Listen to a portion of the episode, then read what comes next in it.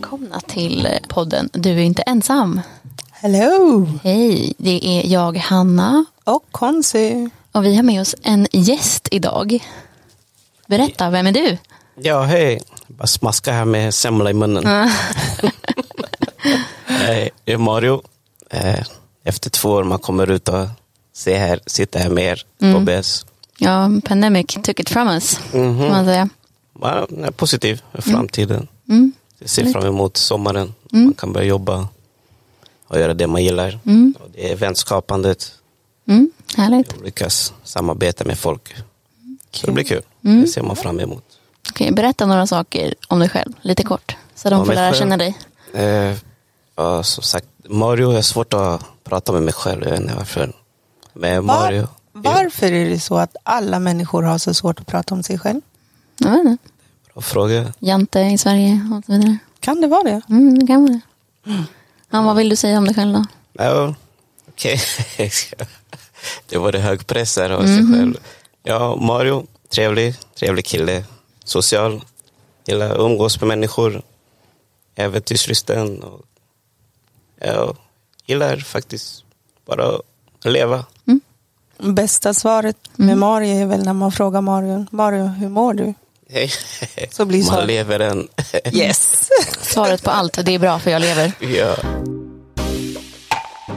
Men du har haft hund förut också. Yes. Berätta om hunden. Ja, odoggen är- heter Rolex. Eh, har haft dem i ett år. Men nu har syrran honom. Tog för mycket energi när man går ut i en eh, blandras av amstaff och pitbull. Okej. Så det var mycket jobb att gå ut. Så man blir helt slutkörd varje gång man går ut med honom. Mm. Och varje gång så blir man... eh, man blir helt... eh, Man är orklös. Det är bara att ligga på soffan och vänt, invänta nästa runda när man ska gå ut. Det är om fyra timmar som man lägger ner alarm bara för att kunna gå ut med en hund. Okej. Verkligen. Men, för du har ju sickelcellsjukdom. Det har Kan jag. inte du berätta lite om eh, hur, det var, hur det har varit för dig att ha, jag tänker just att ha, ha hund och liksom ha ett husdjur när man har en, eh, en sjukdom som kan påverka en på olika sätt. Ja, jo, det med sjukdomen gick det... Alltså det går upp och ner. För varje gång man går ut så är man är slut. Och då hinner man inte få tillbaka orken lika snabbt. Och på grund av det hamnade jag mycket på sjukhus. Just för att jag inte lyssnade på kroppen och inte vilade tillräckligt. Vad var det som gjorde att du hamnade på sjukhus? Eh, Det var smärtkriserna då. Som sagt, det, jag går ut, det är en, eh, hunden är en kraftpaket, det är en Amstaff pitbull. Det man kan inte bara gå runt kvarteret för att han ska kunna bajsa och kissa. Typ man är typ ute i fyra timmar. Ja. Bara för att han ska få ut sin eh, kan man säga, energi. Mm. Och med det så sitter jag i rullstol också så det är svårt att Okej. hålla sig ute i fyra timmar om det inte är sommar. Men, alltså var, det är svårare under höst, eh, höst och vintern. ja. Men eh, jag tänkte på det här med du sa om smärtkriser. Skulle inte du kunna berätta lite konstigt om just hos sickelcellpatienter eller personer som har sickelcellsjukdom? Vad är en smärtkris? Absolut, det kan jag göra. Smärtkriserna är ju olika symptomer på själva sjukdomen egentligen. Och eh, det är ja, starka eller svåra smärtor. Man kan se det som andnöd, nöd, man kan inte andas. Man får nämligen ingen syre i vissa kroppsdelar. Och det, Var, var har man ont någonstans då? I skelettet. I skelettet? Mycket sitter i skelettet. Lederna, bröstkorget. Ja, så det är där smärt, smärtorna sitter. Eh, och det kan ju uppdelas i olika, eller ja, det kan misstolkas. För oftast när en sickelcellpatient söker vård och har de här smärtkriserna så kan ju många tro att det är någonting helt annat Mhm. än just kriserna. Så. Men vad, vad beror den här smärtan på då? Eh, syrebrist. Okej. Ja, för vad som händer, som jag berättade lite om i förra avsnittet, så är det just det här med att eh, blodkärlen täppas till. Mm. Och när blodkärlen är tilltäppad då går inte syren fram. Okej. Så att då blir det avstängt. Mm. Och då får man de här svåra. Mm. Så det blir som blodproppar? Precis, blodproppar som, eh, ja. Fast det är, samtidigt är det fel att säga det, kalla Mm. det för blodproppar. Okej. För, Det blir bara tilltäppt i... ja, i I kärl, blodkärlen. Ja. Okej. att- Och då får man väldigt, väldigt ont när Ja. det händer. Ja, precis. Och hur, vad var det som, Mario med din hund, vad var det som gjorde att du fick mer ont? Eller ont kanske oftare och behövde vara inne på sjukhuset. Men vad, vad var det med hunden eller med promenaderna som gjorde att du fick fler sådana smärtkriser? Som sagt, han är ju eh, kraftpaket. Mm. Och eh, man är inte världens starkaste kille heller. Så det är mycket han, dragkamp varje gång man går ut med honom. Det är alltid dragkamp. Okej. Så man kämpar emot det, eh, hålla i hunden och sen försöka rulla samtidigt. Och hålla koll på andra människor och hundar. Så det var på ansträngande, Mm. påfrestande för hela psyket, mentalt och fysiskt. För fysisk aktivitet kan eh, liksom trigga en sån här smärtkris, eller Ja, hur? det kan det göra. Okej. Det kan... Wow! Oj, Shit. ramla inte av bordet här nu. För mycket socker. Har för mycket semla här. Det är semmelmånad, okej? Yes, Mm. ja. Ja. Jo, men det är mentalt och fysiskt tar, Mm. det, tar det på krafterna. Så man är helt slutkörd eh, när man kommer hem efteråt. Mm. Sen plus man är, det är inte, som sagt, det är inte runt kvarteret. Nej. Man måste runt i två, två, två och en halv timme. Mm. Sen Så- man ska inte ta samma runda. Nej, såklart. Men, Men, ja, försök Ja. Ja, jag tänkte jag, jag måste bara fylla in det- eh, på där när du säger att du är ute fyra timmar Mm. med hunden. Och i min lilla värld så är det just det här, du har inte hunnit vila, Nej. kroppen har inte kunnat återhämta sig. Så varje gång du går ut så startas ju en ny episod Exakt. egentligen. Så att vid varje tillfälle, säg du åker, ni är ute fyra timmar eller två och en halv. Mm. Sen kommer du hem och du ska försöka vila och det går inte riktigt. Nej, han är där. Ja, precis. Hetsar liksom. Han är där. Ja. ja, och då blir det per automatik att kroppen hinner inte vila. Och sen Mm. så är det nästa tur ut. Och då blir det, ja, och det är just det här att kroppen är redan i en stressfas. Exakt. Så att vid varje tillfälle så blir det en ny stress, ny stress och så ökar det här på hela tiden. Och då kommer de här smärtepisoderna. Mm. För att vid fysisk aktivitet så Exakt. blir det som att eh, blodkropparna som då är, ser ut som bananer eller månskäror, Ja. de fastnar lättare i varandra och i kärlen, eller hur är det? Pre- ja, precis. Och det pumpas ut flera stressblodkärl kan man säga. Så tänk dig en, eh, så här, om, om man skulle nu klättra upp i Mount Everest, Mm. när du har kommit halvvägs. Mm. Och så ska du liksom springa upp resten. Mhm. Ja, och det är typ, ja, du Mm. skrattar Mario, det är ungefär så. Det är den bästa förklaringen. Ja. Men eh, jag tänker det här, för jag har ju inte någon personlig koppling till den här sjukdomen. Och jag tänker de som lyssnar kanske inte heller riktigt vet vad en smärtkris är. Eh, nu vet vi att det handlar om att det blir syrebrist eh, i kärlen och det blir, gör jätte, jätteont. Men hur känns en smärtkris? Konsti, du har ju, du har ju barn. Liksom. Eh, jag tänker man, många gånger beskriver man ju att föda barn som det, det värsta. Liksom. Men jag tänker liksom, det är klart att det inte går att jämföra. Men om du skulle försöka beskriva smärtan som du har när du har en smärtkris. Eh, Jag, sk- jag skulle vilja, för att göra det enkelt, så tror jag liksom många människor har haft tandvärk. Och då kan du tänka dig tandvärk gånger tio. Och det gör jävligt ont, förlåt språket, väldigt ont när man har tandvärk. Mm. Ja. Men det gånger tio. Okej, så tandvärk gånger tio säger Ja. Konsi. Vad säger Mario? Hur skulle du beskriva en smärtkris? Och beskriva. Det går typ inte. Det, det, Och jag, och jag kan det är säga för, det är för ont. Och jag, kan, och jag kan ju på en gång säga, när jag sitter här och ser på Mario så förstår jag att det blir väldigt känslomässigt för Mm. att det går inte att beskriva den smärtan. Man känner sig nästan död varje gång, vid varje tillfälle. Varje tillfälle. Ja. Så man ligger i, ser, ligger i fosterställning. Ja. Jag får kontroll i kroppen men så omöjligt. Så beskriva smärtan kan jag inte göra. Nej. Men det är, ändå, det är ju ändå en beskrivelse. Att det inte går att beskriva. Ja. Det finns inte ord för den smärtan. Det, Nej. och det visar ändå på hur liksom, allvarligt man måste ta det här. eh, den här frågan. Liksom. Men vad gör man då när man har en, om ni skulle få en smärtkris? Liksom, vad, vad, vad, är, vad är det första ni gör? Liksom? Alltså som Quincy hon har gett mig råd bara. Man, får, man känner av det då åker inte sjukhuset. Men jag försöker alltid vänta ut det om det går. Så det blir alltid fel. Mm, Okej, och så, till du, slut ligger jag där och larmar efter ambulans. okej, så du ringer, du ringer ambulans liksom, Ja, när du har? Det är ett måste. Ja, Eller om man inte har någon vän som har bil som kan köra in.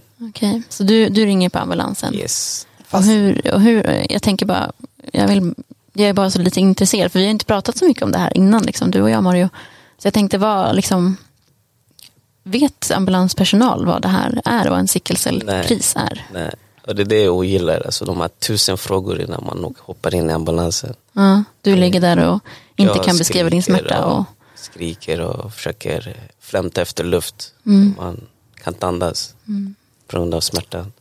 En, en sak bara Mario, du säger man kan inte andas. Det är väl snarare tvärtom, man väljer att inte andas. För Ja, man vet sant. att varje gång man släpper in syre så, så kommer nästa kniv. Mm. ja, okej. Och då försöker man på något sätt stänga av, strypa eh, det. Mm. Ja, jag fattar alltså. Eller nej, jag, fatt, jag fattar ju inte, men Nej. eh, jag kan inte ens tänka mig hur det är. Men Nej. okej, så du ringer på ambulansen och ambulanspersonalen fattar inte riktigt vad det är de, är, vad det är de kan göra för dig. Liksom. Nej. Nej. Det, Men då, då får, du, får du komma till sjukhuset då?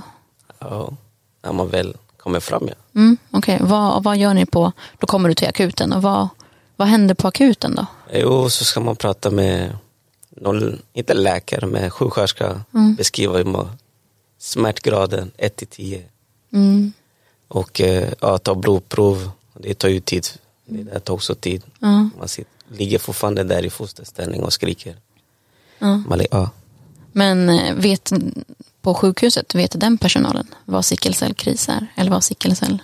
ja, tack vare Christian Kjellander nu i Sankt Göran så känner han till det. Okej, så han, det är alltså en, en överläkare på Ja. eh, Sankt Göran som har spridit lite info. Exakt. Så okej, det var ju bra. Att de, Ja, då får man snabbare behandling och mm, okej. kan pusta ut. Och, Men de vill ändå ställa lite frågor först? ja, det, det är Men kontrollfrågorna Kontrollfrågor. ställs ju alltid Mm. innan de kan, eller vet vart du ska hamna. Så. Okej.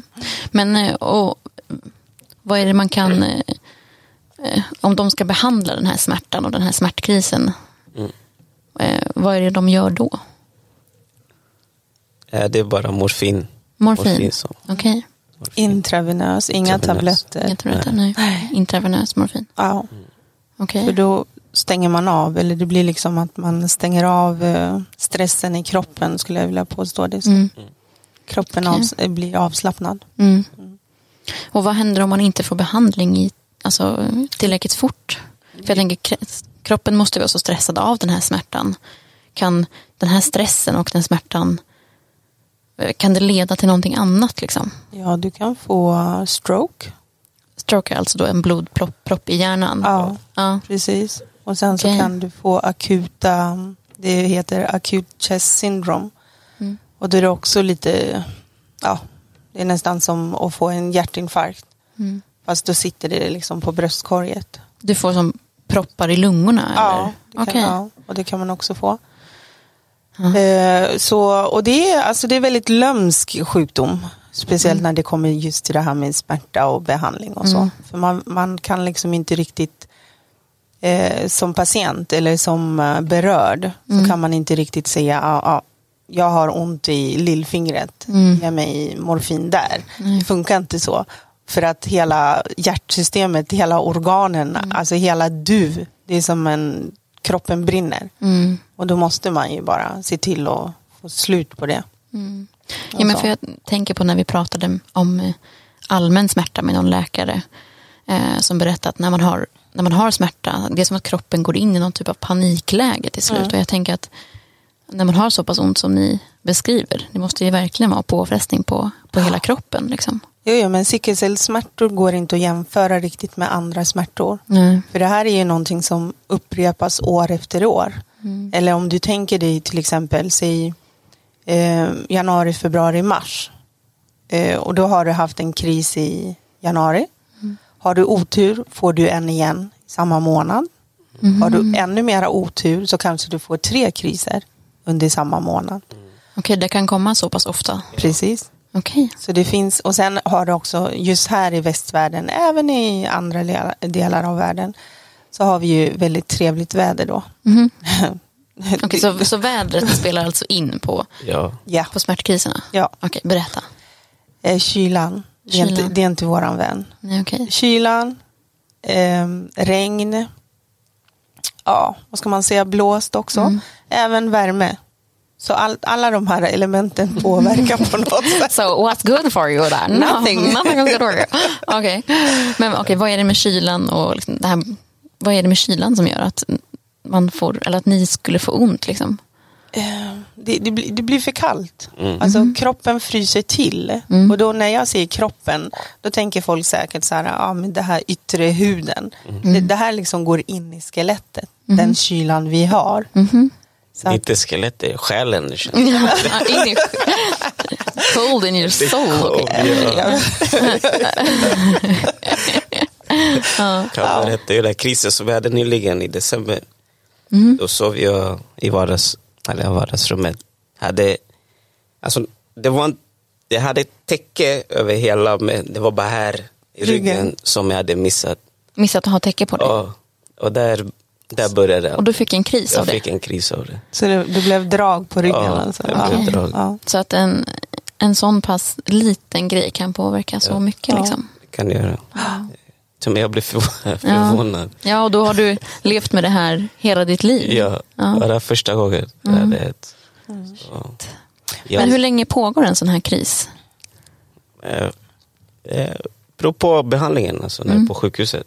Det beror på om, Kom, så här väl, kommer du in snabbt, mm, säg att från, till exempel då, då när man åker in med ambulans, från att du får en viss milligram morfin, säg kanske fem, då går ju smärtkrisen ner också.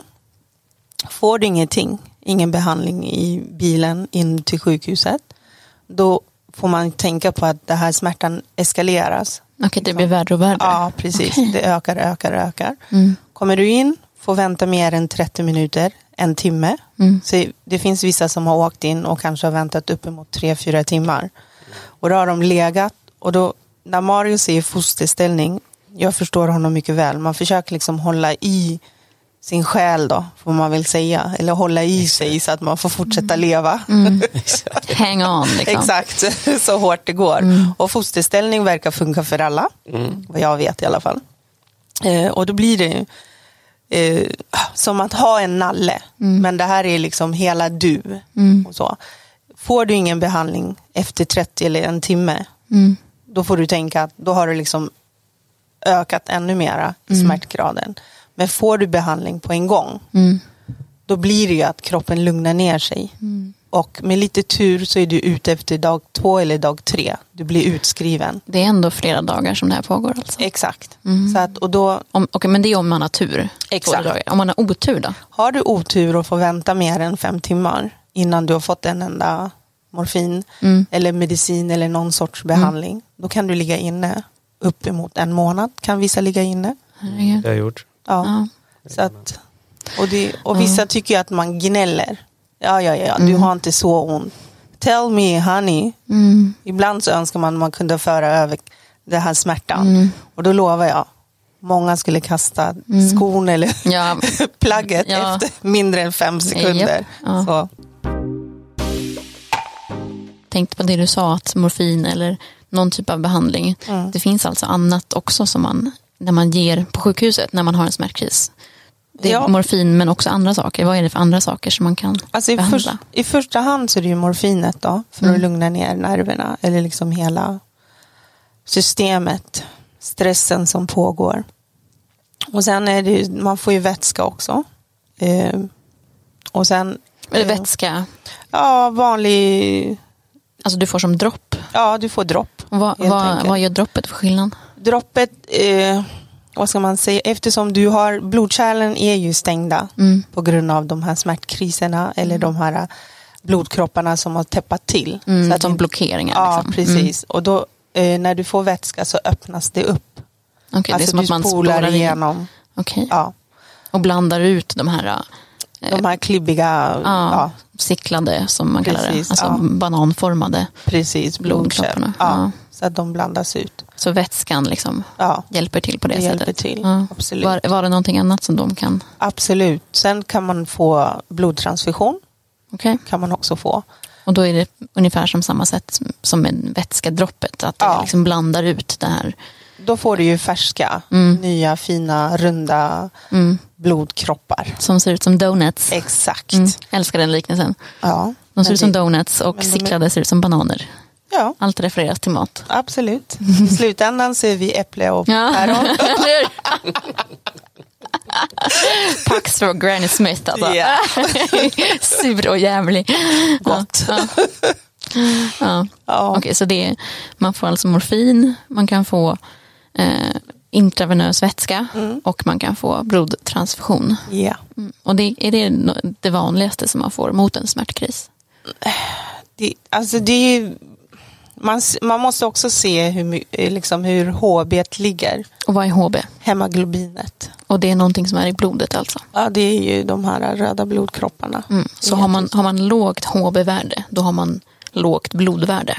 Precis. Okej. Så, så det är det. Mm. Och många sickelcellpatienter, eller sick, sickelcellpersoner kanske Mm. vi ska säga, ligger ju som sämst kanske. Vissa kanske åker in med 65 i HB. 65 och vanligt är, vi, 130?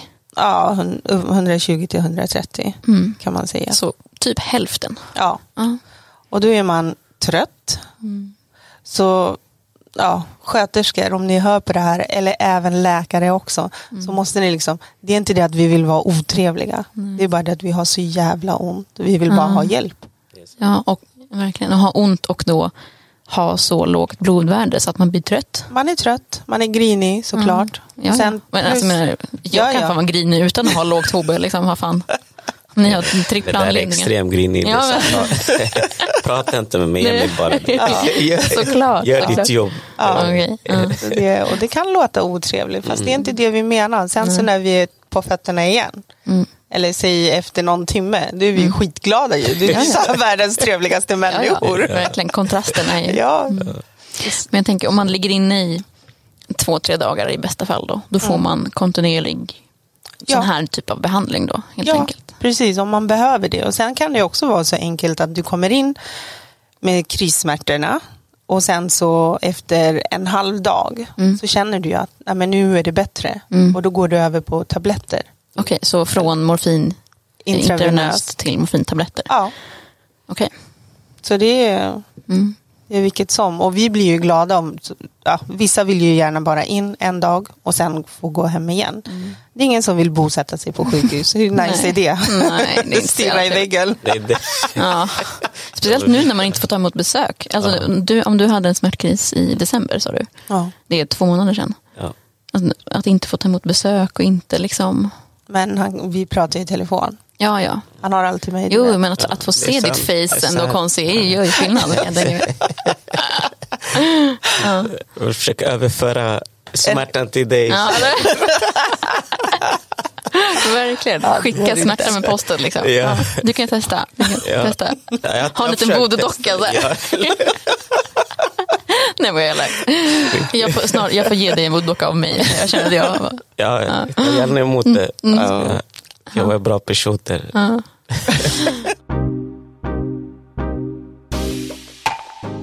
Finns det någonting man kan göra för att liksom inte få smärtkris? Alltså någonting som, som, ni- som man kan göra själv? Eller är det bara att det kommer? Det, alltså det här är någonting som du, vi kan inte styra över det. Nej, Mm. Alltså jag, jag kan kan- komma när som. Som nu när vi sitter och pratar och skrattar här. Plötsligt kan jag säga oh my god jag har så ont i min rygg. Mm. Och då sitter det någonting och hakar upp sig i ryggen. Mm, Så det är vi kan inte det. mm, Men eh, desto äldre och som jag brukar säga, klokare man blir, då, då känner man ju, man, man lär ju känna till sin kropp bättre och bättre. Och då vet man att ja, nu är det någonting som är konstigt som pågår. Jag kanske borde ta en halv tablett.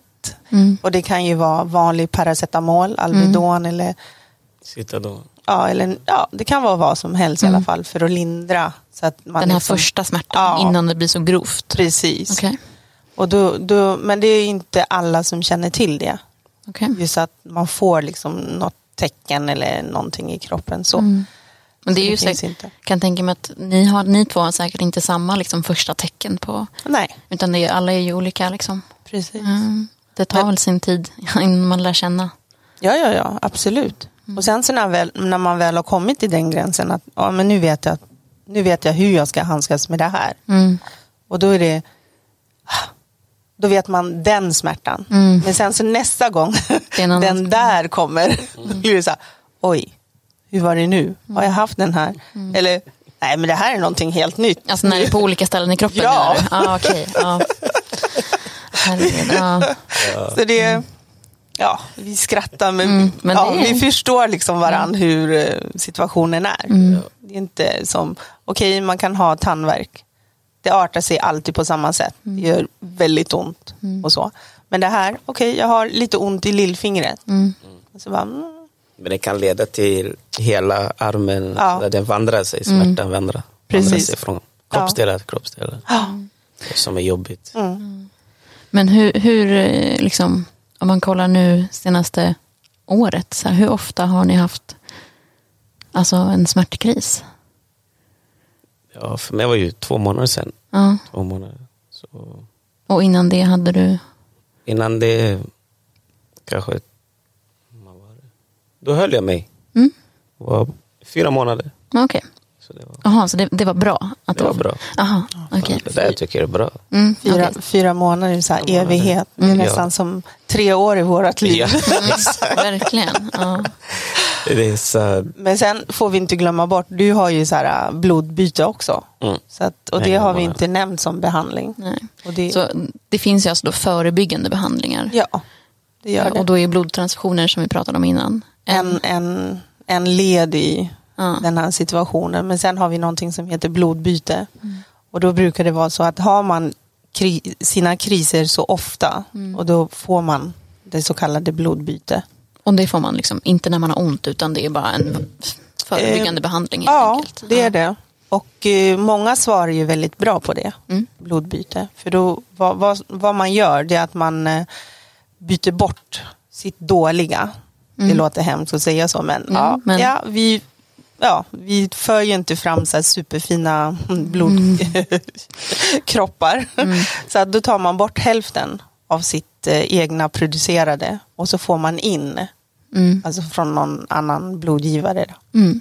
Så att ni, eh, flera av de här patienterna är, får sådana här blodbyten och blodtransfusioner Ja. som regelbunden behandling. Yes. Hur, hur ofta, för du, har du blodbyte eller blodtransfusion Mario? Ja, det, det har jag. Du har både och, blodbyte Ja, både och, Blodbyte har jag. ja, hur ofta gör du det? Femte vecka. Okej. Så.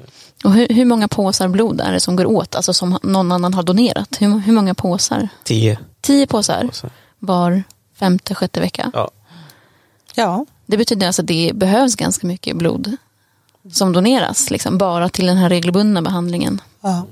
ja. Så ge blod allihopa. Gå in på geblod.nu. absolut. Ge blod regelbundet så ofta ni kan. Jag ska ge om en vecka, den 25, ska jag ge blod. Wow. Nice. Så att eh, I'm Ja. such an influencer, känner jag nu. Ja men absolut. Nej men alltså det, är- det är, Nej men eh, det är jätteviktigt. ja. Och jag tror liksom att många som ger blod inte är medvetna om hur viktiga de är. verkligen. Speciellt för den här patientgruppen. Så behövs det väldigt mycket. Ja, men det handlar om att ha ett, ett vardagligt liv. Liksom. Ja. Det är inte bara, bara de här akuta operationerna och, och det som också är livsviktigt. Men eh, att det handlar om att ha ett, ett liv utan, Smärtor. eller med, ja smärtan Ja. kommer väl ändå, men Ja. minska smärtan på något sätt. Ja, ja, ja, men som vi sa tidigare, eller skämtade om tidigare, att fyra månader är som ett år för oss. Mm. Och då kan ni, om, om vi inte får den här, eller till exempel då, säg att Mario inte får den här behandlingen, Mm. då blir det ju flera sjukhusinläggning och så. Så att Och- om, om du inte skulle få dina blodbyten så skulle du ha ont och ligga inne mycket oftare. Ja, ja det. Var det så innan du började på den här blodbytesbehandlingen? Ja, eh, mycket insjuknad. Jag ligger hemma, tar mycket smärtstillande tabletter. Och eh, om det inte är hemma, då blir det sjukhus. Mm. Vårt Så de andra hem, Exakt. Ja, vårt men är ju- fantastiska väggar. Mm, verkligen. Det är, men det är jättebra att de här behandlingarna finns. Ja, att det- man kan få blodbyte. Liksom. Jag tycker det är fantastiskt, även om det är väldigt kostsamt, som det pratats väldigt mycket om, så är det, det är en enorm fördel, en enorm, ehm, ja, vad ska man säga? Jag tycker det är fantastiskt, tycker jag. Så Verkligen. för, för alla blodgivare där ute, ni gör ett fantastiskt arbete. Fortsätt ja, med det. Verkligen. Och alla som jobbar på blodcentralerna och blodbussarna som alltid är så trevliga när man kommer in där och är så taggade. Åh, du kommer in, och gärna, vad kul. Ja. Alla som jobbar där som bara är eldsjälar och brinner för det här. Ja, Det är fantastiskt. Utan dem så hade du inte kunnat komma in i blod. Liksom. nej. Fantastiskt. Finns det någonting ni skulle vilja, vilja att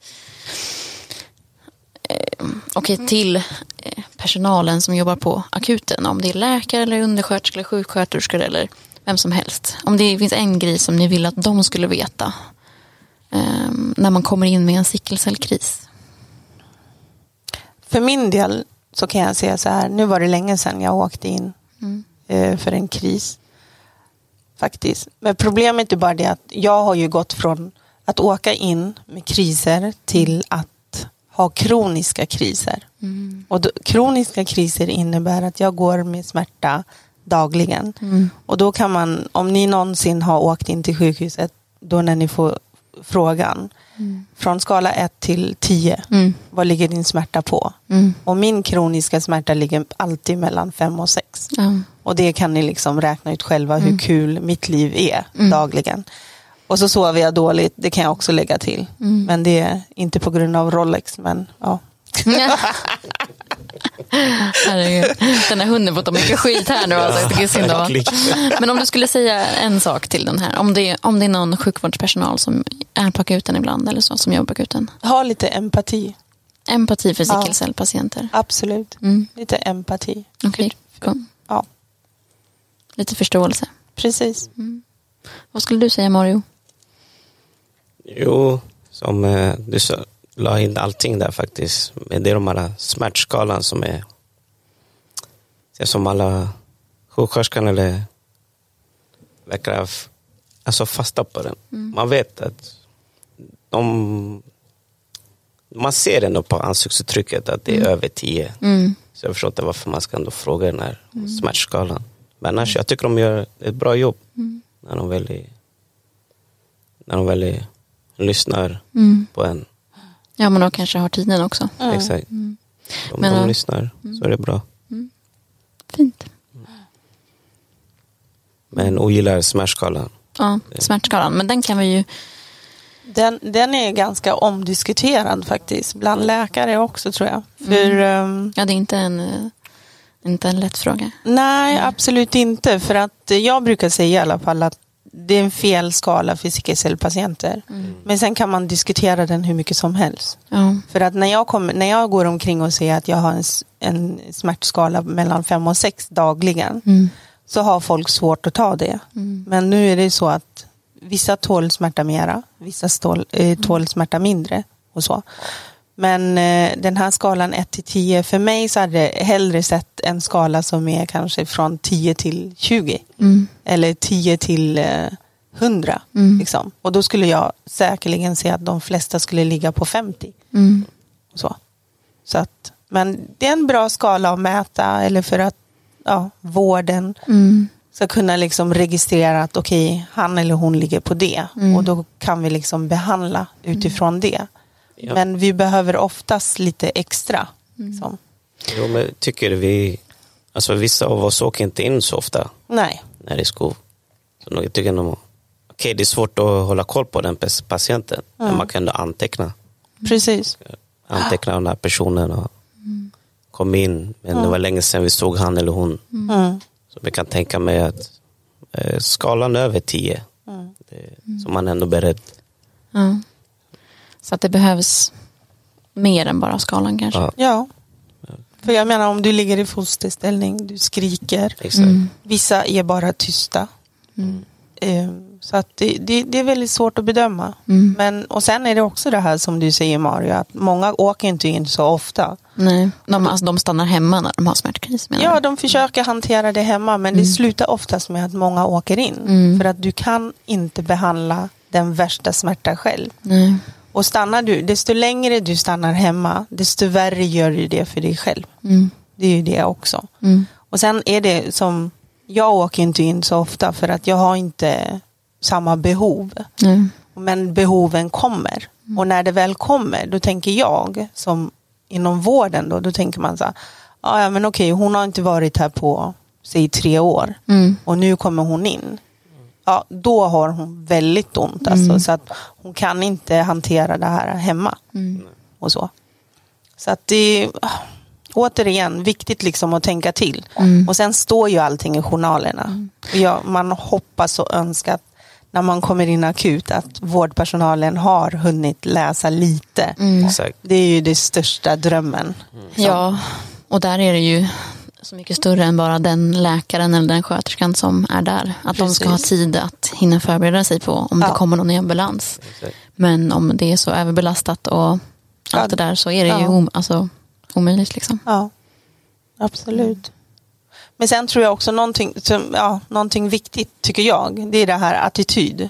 Mm. Alla vi människor har attityd, men ibland så vi behöver inte ta den där attityden vi möter i ambulansen, på akuten. Alltså att ni får en attityd från Vårdpersonalen, personal- ja. Okej. Vad, är det för, vad är det för attityd de... Nej, men det kan vara det här att, ja, vad, mm, ja, ja, du har det där, jag har aldrig hört talas om det. Snälla, det är 2022 nu. Mm. Gör det insatt. Det Alltså. verkligen, men där, där kan man ju verkligen eh, prata om kunskapsbrist. Liksom. Ja. Eh, alltså visst att det kanske inte är jättemånga, det är inte tusentals patienter i Sverige som har det här, vad vi vet i alla fall. Men eh, att vi med vårt arbete, alltså vi vill öka kunskapen Ja. ehm, om det här för att förbättra vården. Liksom. Nej. Nej, men för, för jag tror någonstans också, det hjälper inte att om jag till exempel som patient ska åka ambulansen Mm. och så sitter en sköterska och redan vet och kan. Mm. Ja, men det här är, det är inte så farligt. Och sen jämför kanske med någon annan diagnos. Att, eh, Ja, för att de inte vet vad sickelcell är. Liksom. ja, precis. Och du har inte lika ont. Mm. Nej, du vet inte hur ont jag har. Men eh, just nu så tar jag det här för att jag behöver din hjälp. Och så. Och samma när man, kommer, när man är redan inlagd Mm. på ja, väntsalen eller någonstans man ligger och väntar på att läkaren ska komma och titta på en. Mm. Eh, ibland så önskar man ju, eller man hade hoppats att de eh, på något sätt hade en liten eh, perm eller en liten eh, någonting där det står kommer det in en sickelcellpatient Mm. så är det de här åtgärderna vi behöver göra. Verkligen. Ja, för att gör man, tar man tag i de åtgärderna då behöver man inte eh, som patient ligga inne så länge. Du Verkligen. kanske ligger inne i två dagar och sen är du hemma. Mm. För, att om du, för att om du får behandling fortare så. Ja, Mm. precis. Men det, det är just det. Mm. Så att det, ja, mycket att diskutera. Verkligen, och det finns ju mycket eh, liksom systematiskt som man kan göra. Som det här med att de hinner titta i journalerna. Det Precis. finns någon typ av protokoll kanske. Det, Ja. Nu vet inte jag hur det ser ut på alla sjukhus och alla akutmottagningar i Sverige såklart. Ja. Nej, men men all, det finns ju alltid saker att förbättra. Liksom. Absolut. Och sen är det det också som jag tror någonstans många inte tänker på. Har man en fast läkare Mm. som då samtidigt utbildar andra Mm. inom eh, området Mm. så gör ju det saken mycket enklare också. Så som du har menar du? Nej men, eh, nej, men jag, känner, ja, jag har en bra läkare. Mm. Det är ingenting att, att sticka under stolen med. Liksom så. Mm. Eh, det har jag. Och sen just det här också att han har varit väldigt lyhörd. Mm. Liksom man lyssnar på vad man säger och sen så tagit till sig och gjort liksom vissa ändringar i ens journal. Mm. Så att det då blir mycket enklare. Mm. Så det spelar ingen roll var någonstans i, ja, så länge man kommer åt min journal. Mm. Så kan man se. Precis vad som behövs och vad som krävs Mm. just då. Han har ju då gjort ett väldigt gediget jobb med att liksom Fantastiskt Mm. skulle jag vilja säga. Också väldigt engagerad i frågan. Så det är ju, Ja, mm. så det är jättebra. Mm. Men vi kanske ska runda av där. Ja, Ett, eh, runda av med lite tacksamhet och lite frustration såklart. Men det blir man alltid när man pratar om det här. Man blir alltid lite frustrerad. ja, ja. Det blir man. Du jag lever konstant frustrerad. Nej, det gör jag inte. Men eh, livet är bra trots allt. Mm. Ja men det är ju det är väl jättehärligt att du, Ja. kan känna, att du kan känna det. Ja, Trots att det, vi har pratat om ganska tunga ämnen. Liksom. Om att det gör ont och det är jobbigt och Ja. hur man blir bemött. Så att man kan känna att man, som Mario säger, det är bra för jag lever. Liksom. ja, ja, ja. Bästa svar. Mm. Bästa svar. Så deppigt men eh, Det är inte deppigt. Det, det är så det är. ja. Vi är glada trots allt. ja. Man kan inte gräva ner sig varje dag. Tänk Mm. vad jobbigt det skulle vara. Gräv ner dig, gräv upp dig, gräv ner dig. Ja, ja. Bra. Men tack för att ni lyssnade allihopa. Eh, och tack för att vi kunde ha ett sånt härligt eh, öppenhjärtigt samtal. Ja, Det var väldigt fint att få höra era åsikter och eh, tankar. vi, vi, vi tillhör ju den här lilla gruppen i samhället som jag själv skulle vilja påstå som att det är lite crazy men det är alltid nice. så är det. It's like a weird family. Yeah, and we love it. Mm. Och sen Så är det, ja ja men tack för den här gången. Mm. Vi hörs snart igen. Ja, det gör vi. Ja. Med mer spännande ämnen. Yes. Mm. Tack så mycket. Tack, tack.